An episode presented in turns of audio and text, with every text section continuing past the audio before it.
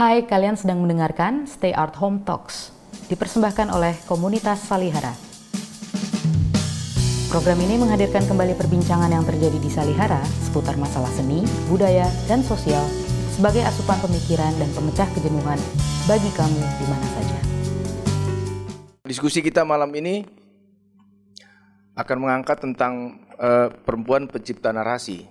Sejarah perempuan ini juga berkaitan erat dengan bagaimana perdebatan sebetulnya di dalam zaman kolonial itu kongres pertama perempuan menyusul dilakukan setelah Kongres Pemuda. Dan yang lebih menarik lagi, pada kongres keduanya tahun 35 kalau tidak salah di Bandung yang di Bandung atau di Batavia, sorry di Jakarta di Batavia yang menetapkan 22 Desember itu sebagai hari ibu yang kemudian kita peringati itu ada perdebatan di kalangan perempuan tentang pemberlakuan hukum nikah Islam. Jadi sudah ada perdebatan mengenai poligami.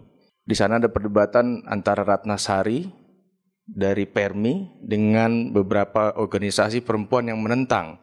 Jadi memang dinamika aktivitas e, gerakan perempuan pun sudah hidup pada waktu itu.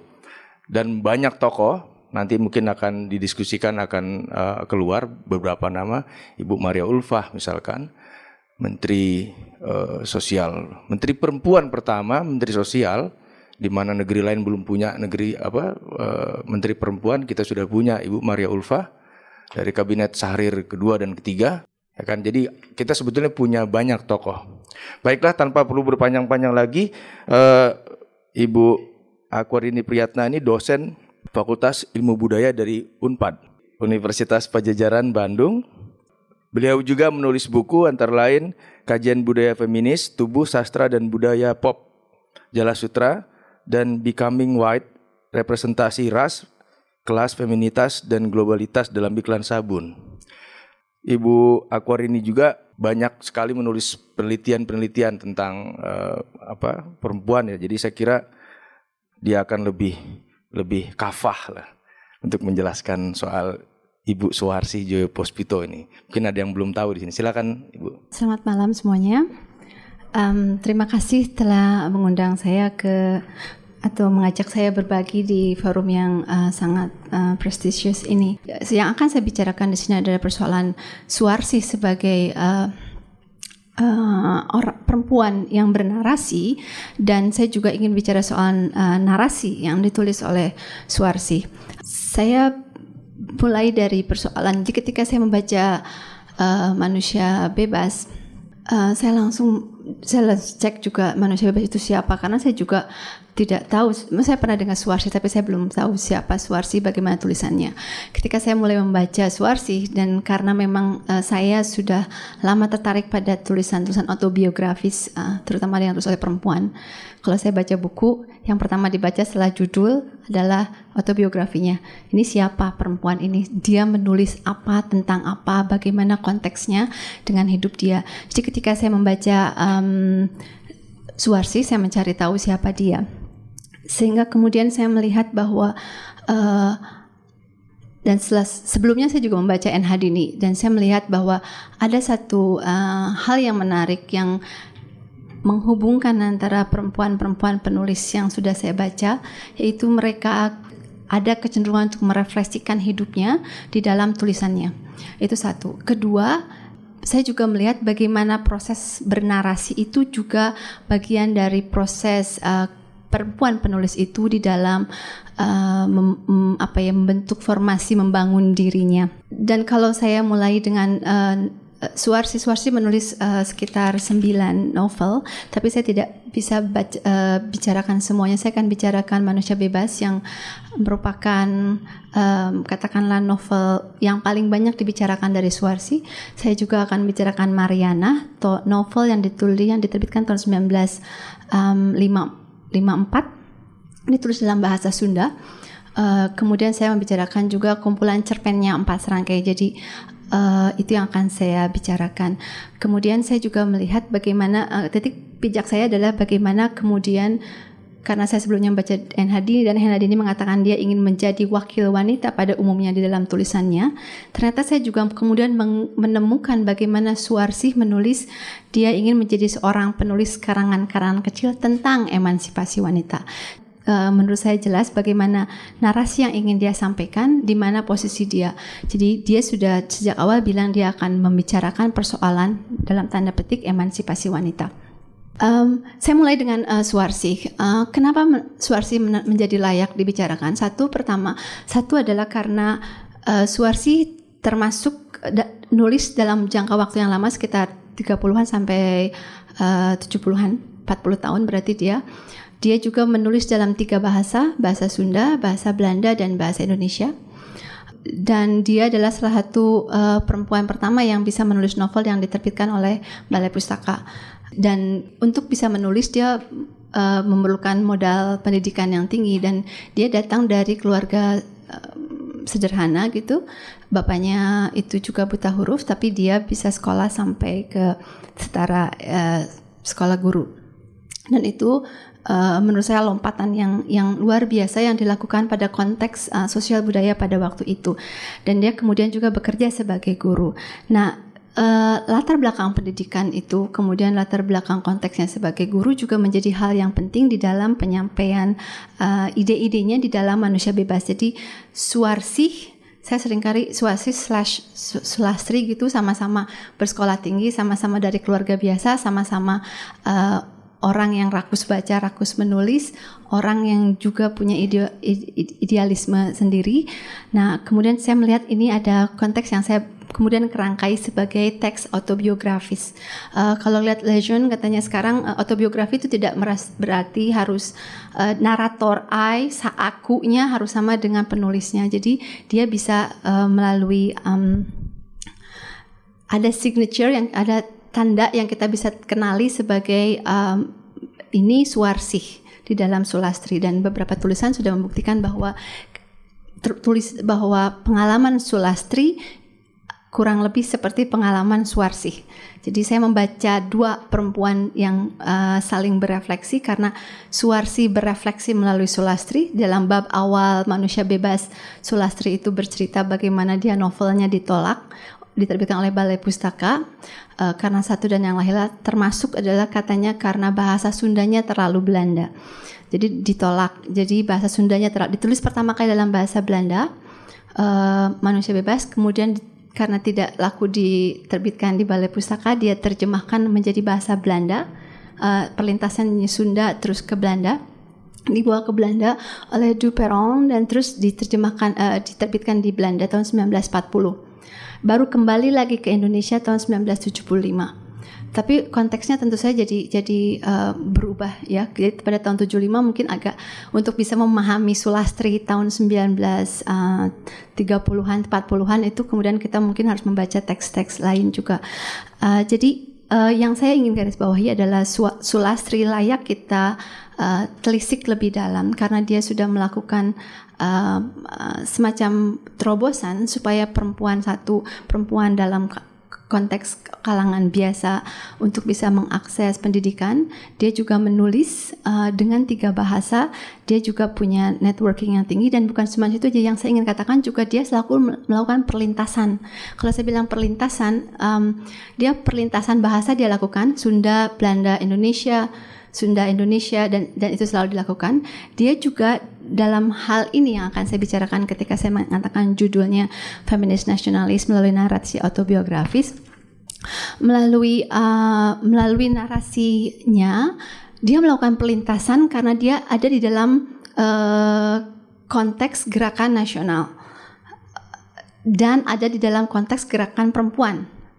Jadi dia ada di antara itu semua sambil juga ada di dalam konteks sebagai perempuan, sebagai istri di tahun itu. Dan perlintasan itu menjadi menarik ketika misalnya uh, dalam kalau kita lihat di novelnya ruang publik laki-laki yang membicarakan persoalan kemerdekaan dan perempuan itu ada di belakang ngobrol persoalan yang cetek-cetek saja. Nah, Sulastri melakukan perlintasan karena dia masuk di ruang perempuan yang ngomongin cetek-cetek sebagaimana Suarsih juga mendokumentasi kehidupan Sulastri dari yang cetek-cetek teh ada duit ada uang nggak buat bayar makan dan segala. Itu didokumentasikan. Perlintasan itu kemudian menjadi menarik ketika misalnya Sulastri pindah dari ruang perempuan yang ngomongin cetek-cetek pindah ke ruang laki-laki yang sedang ngomongin gerakan nasional. Itu dia melintas. Dan jadi secara metaforis ketika dia ngobrol duduk dengan ibu-ibu dia ngomong hal yang cetek-cetek yang feminin kalau saya bilang ruang itu feminin kemudian dia pindah ngomong gerakan nasional di bersama laki-laki. Dan dia terus menerus melakukan plan itu. Yang menarik itu tidak berhenti di situ karena kemudian dia juga harus melakukan perlintasan ke gerakan feminis. Gerakan perempuan yang emansipasi tadi. Dan itu juga dia walaupun dia bilang dia peng, mengatakan ingin menjadi bagian dari gerakan emansipasi wanita, tapi dia juga kritis. Jadi salah satu bentuk kritisnya adalah ketika gerakan feminis dalam konteks itu artinya menginginkan dia mengabaikan, menegasikan bentuk kenikmatan feminin yang dia nikmati, misalnya baca roman. Dia sedang baca roman, kata kakaknya yang feminis dia bilang, "Kamu jangan baca roman lah, baca gerak baca buku-buku yang akan membantu gerakan wanita." Nah itu jadi kemudian dia bersikap kritis terhadap nasionalis, dia bersikap kritis juga terhadap gerakan feminis dan sambil dia ada di situ semua, dia melakukan perlintasan itu terus menerus sepanjang uh, novel. Jadi dia domestik publik, dia ikut bicara soal gerakan nasional, dia ikut bicara soal dapur, dia ikut bicara soal perkawinan, dia melakukan refleksi terhadap perkawinannya sendiri dan perkawinan orang lain. Hal yang dokum, yang didokumentasikan yang kata Duperon adalah uh, justru kekuatannya jadi ketika dia bilang ini tidak dianggap novel yang uh, besar karena dia cuma ngomong yang cetek-cetek, kata Duporon justru itu justru kekuatannya ketika dia mendokumentasikan katakanlah sejarah melalui yang cetek-cetek. Ini sebetulnya feminis uh, feminis feminis teori ya teori-teori feminis yang uh, sudah sudah melihat bahwa ini justru kekuatan perempuan.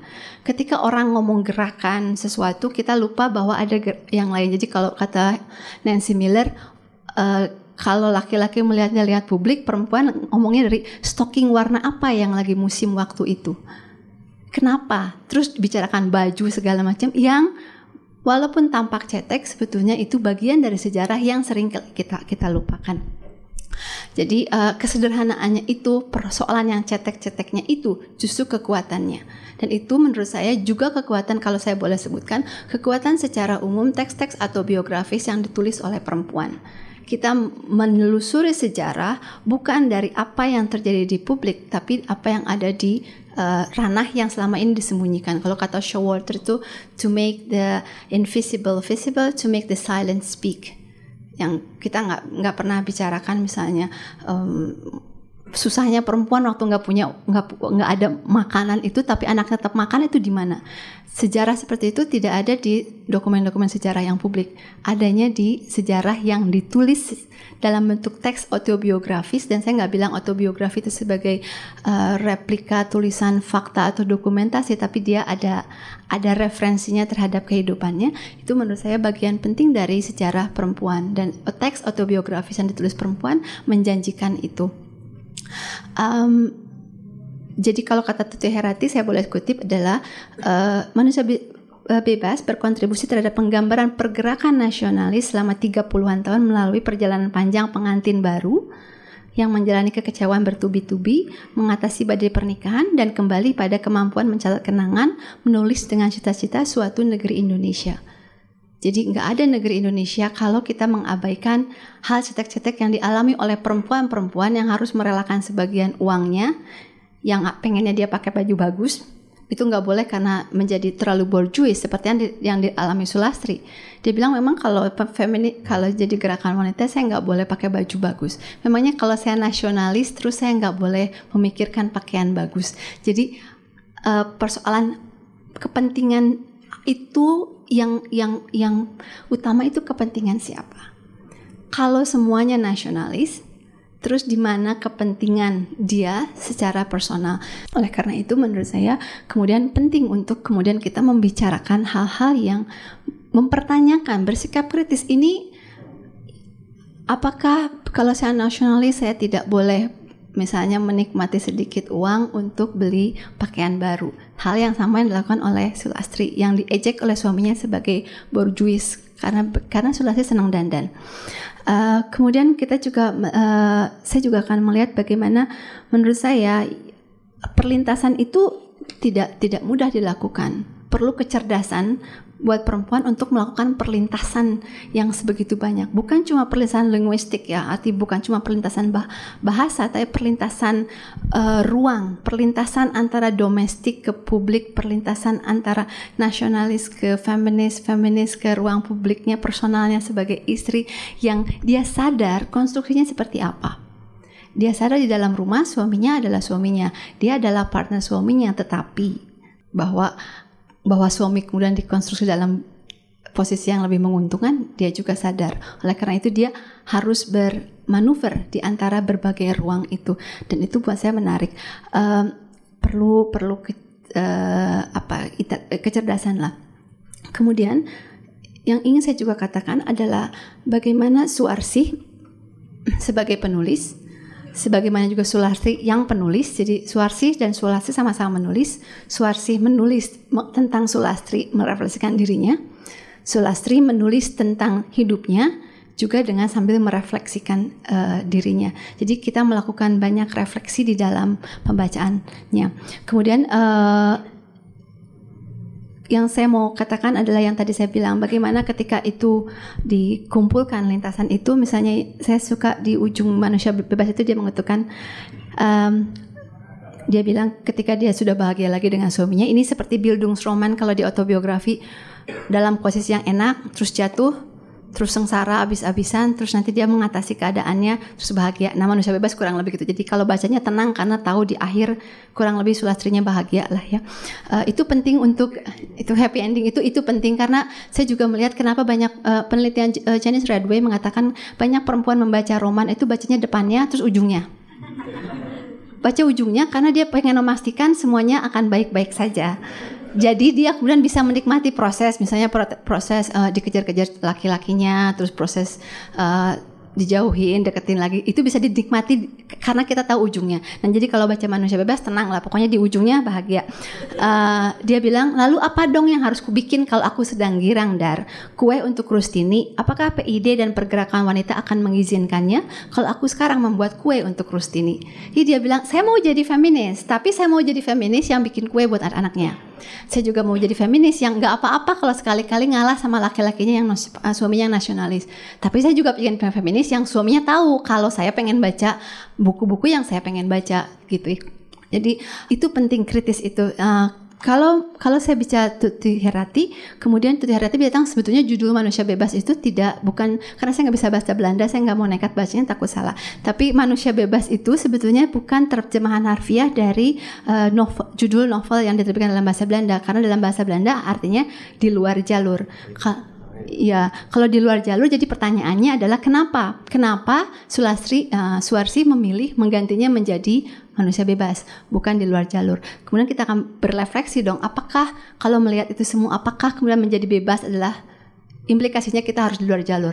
Apakah berada di luar jalur itu membuat kita bebas? Um, itu pertanyaan uh, buat buat uh, Sulastri dan buat Sudarmo dan buat Suwarsi dan mungkin buat buat kita juga karena sepanjang itu mereka menjadi guru di sekolah liar. Mereka bebas tapi sengsara. Ada orang yang yang mem, memutuskan untuk bekerja di sekolah Belanda, terus mereka bebas secara ekonomi, nggak usah mikirin susah, tapi apakah mereka juga bebas? Jadi yang mana yang lebih bebas? Bebas di dalam itu di luar jalur apa di dalam jalur? Mana yang lebih bebas di antara yang di luar jalur? Uh, nggak usah cari jawabannya dan saya juga tidak mencari jawabannya. Tapi menurut saya itu penting untuk kita uh, refleksikan. Jadi menurut saya Suarsi dan Sulasi sama-sama menulis proses hidupnya sama-sama. Jadi Suarsi menggunakan Sulastri untuk mendokumentasikan dirinya. Sulastri pada saat yang sama di novel itu dia juga mendokumentasikan hidupnya. Jadi bab satu itu awalnya, bab berikutnya itu tulisan tentang hidupnya. Uh, mendokumentasikan fakta dan peristiwa serta nilai-nilai yang menjadi konteks peristiwa itu. Keduanya menjalani hidup, menuliskan pengalaman mereka dan melabelinya sebagai bentuk emansipasi wanita. Jadi mereka uh, dia jujur ini emansipasi wanita, nggak nggak malu, nggak saya sih bukan feminis sih tapi gimana ya gitu nggak. Dia saya saya feminis gitu. Saya bertulis untuk emansipasi wanita. Tapi begini bentuk saya menjadi emansipasi wanita.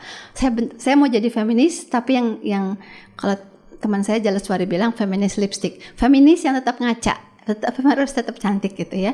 Um, nah terus kemudian uh, dua uh, karya lagi yang berikutnya yang saya baca adalah uh, Empat Serangkai dan Mariana. Kalau saya boleh menulis uh, berbicara secara autobiografis apa yang terjadi ketika saya membaca Mariana, ini sebetulnya secara ceritanya saya di kalau orang sudah bilang disuntrungkan disuntrungkan itu kalau kita di pinggir dicorokin gitu dan kita nggak bisa cuma jatuh aja bisanya pilihannya cuma jatuh nah uh, teman saya Hikmat Gumelar minta kamu baca ini uh, terus kasih tahu sama saya apa kata kamu. Uh, susah awalnya karena Mariana ditulis tahun 1959 pakai bahasa Sunda dan itu ditulis dengan ejaan lama. Jadi yang marjanah itu Mar Mariana sebetulnya. Jadi kebayang udah lama nggak baca tulisan Sunda terus saya baca kayak kayak orang tertatih-tatih gitu terseok-seok kayak baca. Tapi setelah itu kemudian saya lupa kalau saya sedang baca tulisan Sunda dan lupa bahwa saya sedang bicara uh, membaca tulisan yang ditulis dalam uh, ejaan yang lama. Novelnya ternyata menarik. Uh, ditulis juga secara Bildungsroman jadi seperti eh, roman-roman uh, lain juga eh, nggak uh, usah khawatir endingnya bahagia. Tetapi yang cerita menurut saya menarik adalah walaupun tidak ada acuan uh, yang referensi yang kuat antara Sura, su, apa, Suarsi dengan Mariana, tapi karakternya sama, sama-sama perempuan yang berpendidikan tinggi, sama-sama perempuan yang rakus baca, dan sama-sama perempuan yang mendokumentasikan hidupnya menurut saya mungkin Mariana juga ditulis sebagai bentuk refleksi di dalam buku hariannya. Nah, Mariana dilahir uh, Mariana sejak awal jadi ini stand, sebetulnya plotnya sederhana.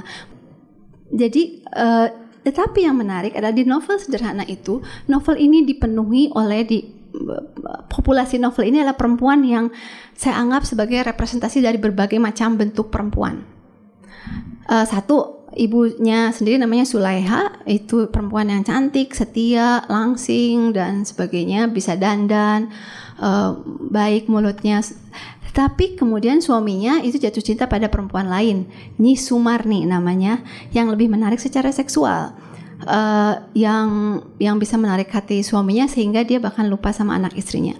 Kemudian ada perempuan seksual lagi Nyi Sati. Nyi Sati itu um, anak tukang kebun dia tadinya cuman uh, dia kemudian kerja di warung kopi kemudian ada pedagang Cina yang jatuh cinta pada dia terus mau jadi simpenan uh, pedagang Cina itu. Lepas dari situ dia jadi uh, istri simpenannya tuan Belanda gitu. sesuai dengan yang diomong ini tuan Belanda. Jadi yang dia komodifikasi adalah seksualitasnya di situ. Kemudian ada Martilah. Martilah itu istri Sutrisna uh, Sutrisna itu laki-laki yang Mariana jatuh cinta pada Sutrisna. Nah, si Martila itu sangat seksual.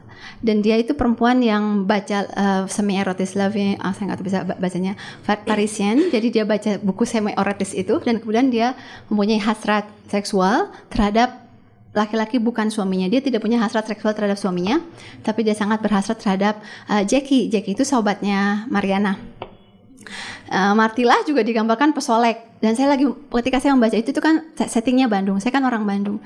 Tahun 30-an Martilah itu dandan jam 9 dia pamit sama suaminya. Dia bilang saya mau nonton sama Jackie. Udah pakai pakai kebaya pakai pakai bunga-bunga gitu. Saya mikir di Bandung tahun 30-an itu ada apa? Sehingga perempuan bisa pamit ke suaminya mau nonton jam 3 jam 9 malam Uh, dan itu menarik buat saya. Saya belum sempat mencek di Bandung ada apa tahun 30-an.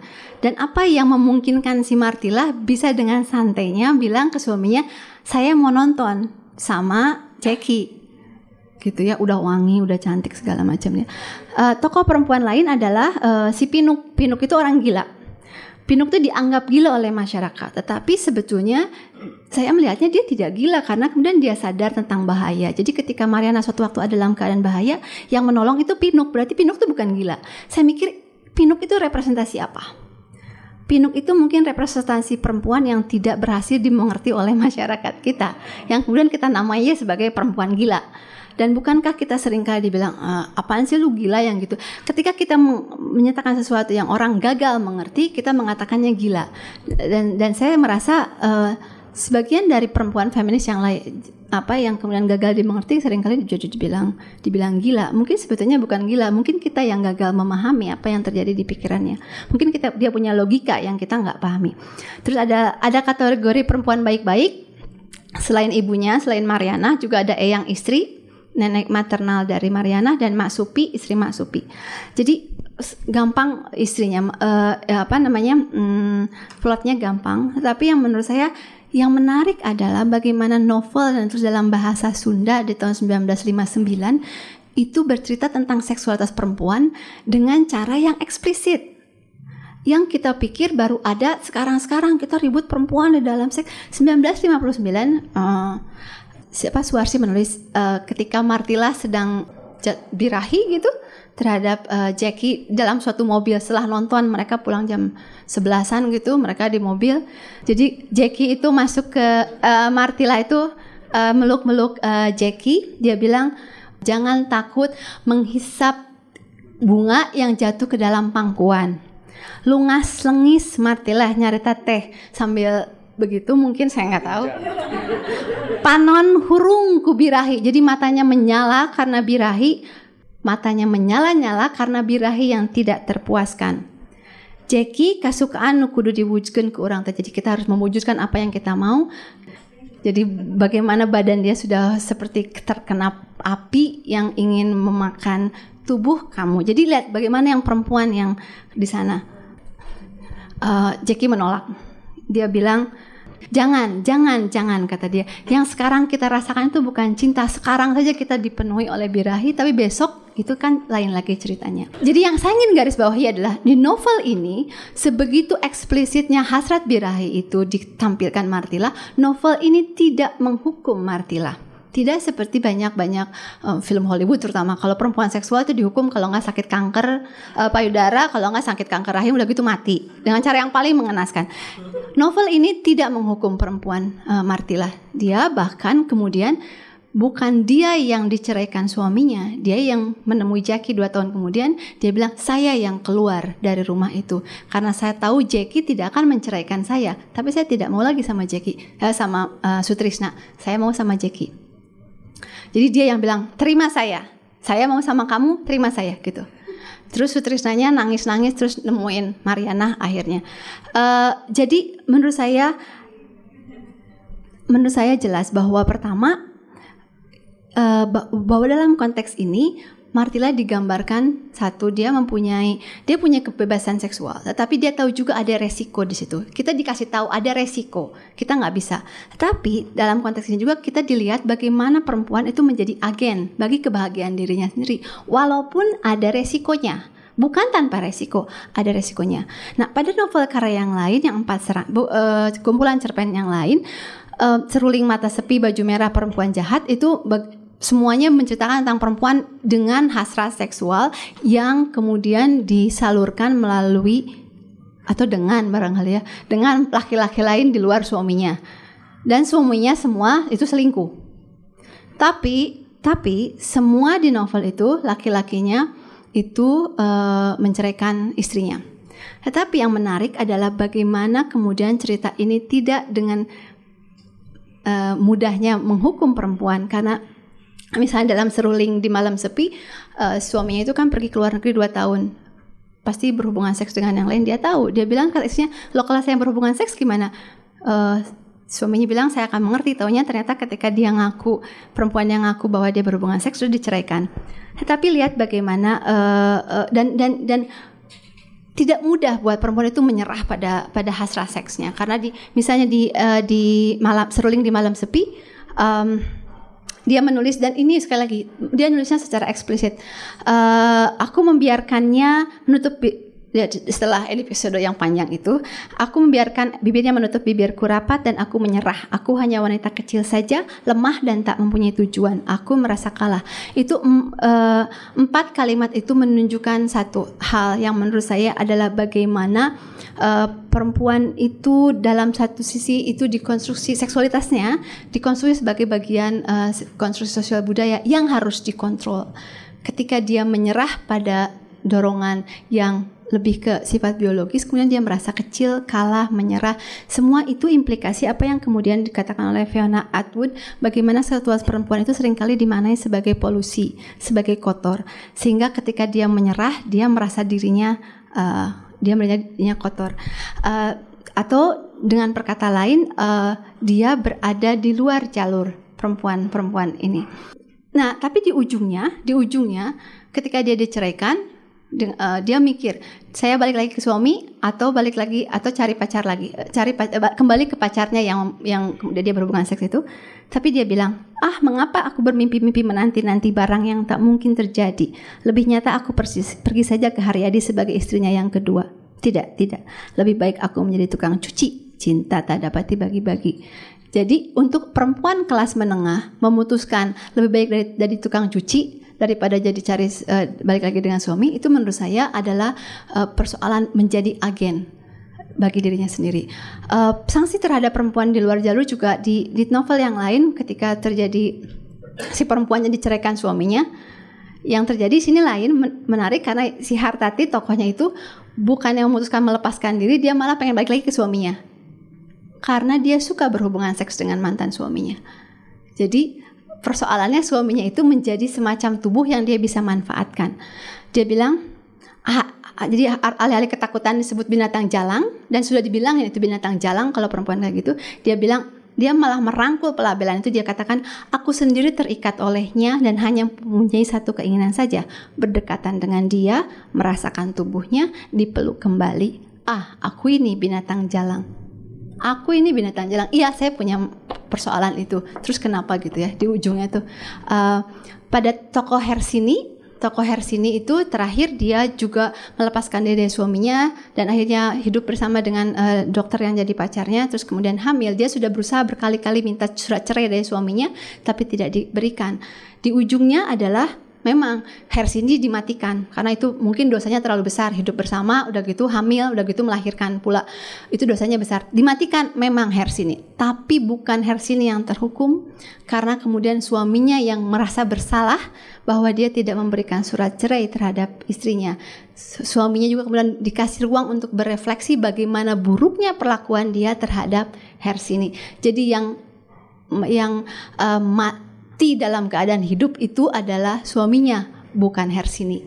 Nah, di nah tapi kalau saya bicara bagaimana tiga tokoh perempuan itu kemudian mempunyai uh, hasrat seksual di luar jalur, bahkan di, di satu cerita lagi perempuan baik-baik saja, perempuan pintar sekalipun tidak luput dari opresi di dalam perkawinan. Jadi salah satu tokohnya namanya Artina. Artina itu digambarkan orator urung, pintar, calon pemimpin, semua yang baik-baik dari uh, gerakan perempuan. Tapi ketika dia ada dalam uh, perkawinan, dia kemudian menjadi kecil seperti tikus di pojok kamar katanya.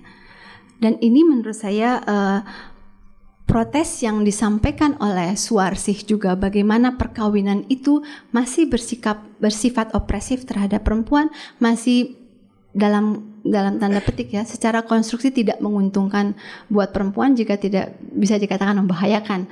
Uh, dan dan dalam jadi Artina itu diceritakan dalam bentuk uh, narasi Rukiah temannya uh, aku. Toko aku pergi ke rumah Rukiah Rukiah terus cerita tentang Artina nah. Di dalam percakapan itu terlihat suara langsung Suarsi melalui narator.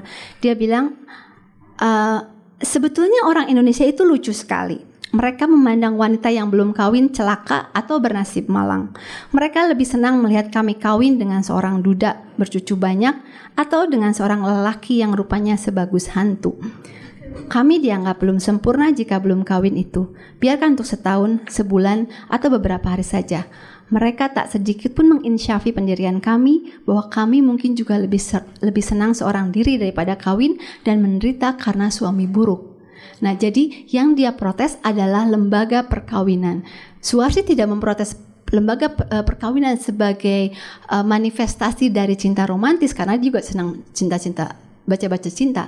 Tetapi ketika perkawinan itu menjadi suatu institusi, maka dia melihat perkawinan sebagai institusi yang masih uh, masih opresif. Um, uh, jadi kalau membaca membaca empat cerpen itu saya bilang saya membaca potret buram perkawinan uh, dan memilih berada di luar perkawinan tidak tidak juga lebih mudah daripada mereka yang berada di dalam perkawinan. Uh, refleksi Suwarsi di era 15, 1950-an mungkin masih cukup berharga untuk dipikirkan, bahkan kini lebih dari setengah abad sesudahnya. Uh, jadi menurut saya kita Suwarsi layak untuk di, tinjau ulang. Suwarsi dan banyak penulis-penulis lain yang menulis di, uh, di tahun 1950-an itu kemudian layak kita lihat lagi, kita cari apa yang mereka bicarakan dalam konteks itu sehingga mungkin kalau ada missing link itu mungkin bagian dari diri kita dan saya membaca uh, saya membaca narasi perempuan yang dan perempuan yang menarasi itu menciptakan sejarah bukan saya dalam konteks nasional tapi juga dalam konteks pribadi. Narasi autobiografis seperti yang ditulis Warsi membuka ruang bagi perempuan juga untuk merefleksikan hidupnya dengan narasi yang disampaikannya. Itu barangkali yang sudah saya lakukan, merefleksikan narasi Suwarsih ke dalam narasi hidup saya sendiri karena saya terus-menerus berada di perlintasan itu. Suwarsih, Sulasri, Aquarini, Sulasri, Sulasri, terus dan dan uh, dan bentuk perkawinan yang sudah saya alami karena saya beruntung sudah mengalami lebih dari satu. Jadi saya tahu uh, bagaimana itu terjadi ya? Bagaimana perkawinan itu menjadi suatu lembaga yang opresif dan bagaimana perkawinan itu bisa menjadi sebentuk partnership yang lebih bermanfaat buat perempuan yang tidak menjadi opresif. Dan menurut saya refleksi itu saya lakukan terus menerus dan menurut saya itu bagian penting karena ketika saya membaca Suwarsi saya membaca diri sendiri ketika saya menulis ini saya menulis juga diri sendiri. Uh, seperti Suwarsi yang membangun uh, formasi dirinya melalui bacaan dan tulisan. Saya juga selalu dalam proses membangun formasi diri melalui bacaan dan tulisan dan kini saya tahu bagian dari itu adalah uh, Suarsi Coyo Puspito. Terima kasih.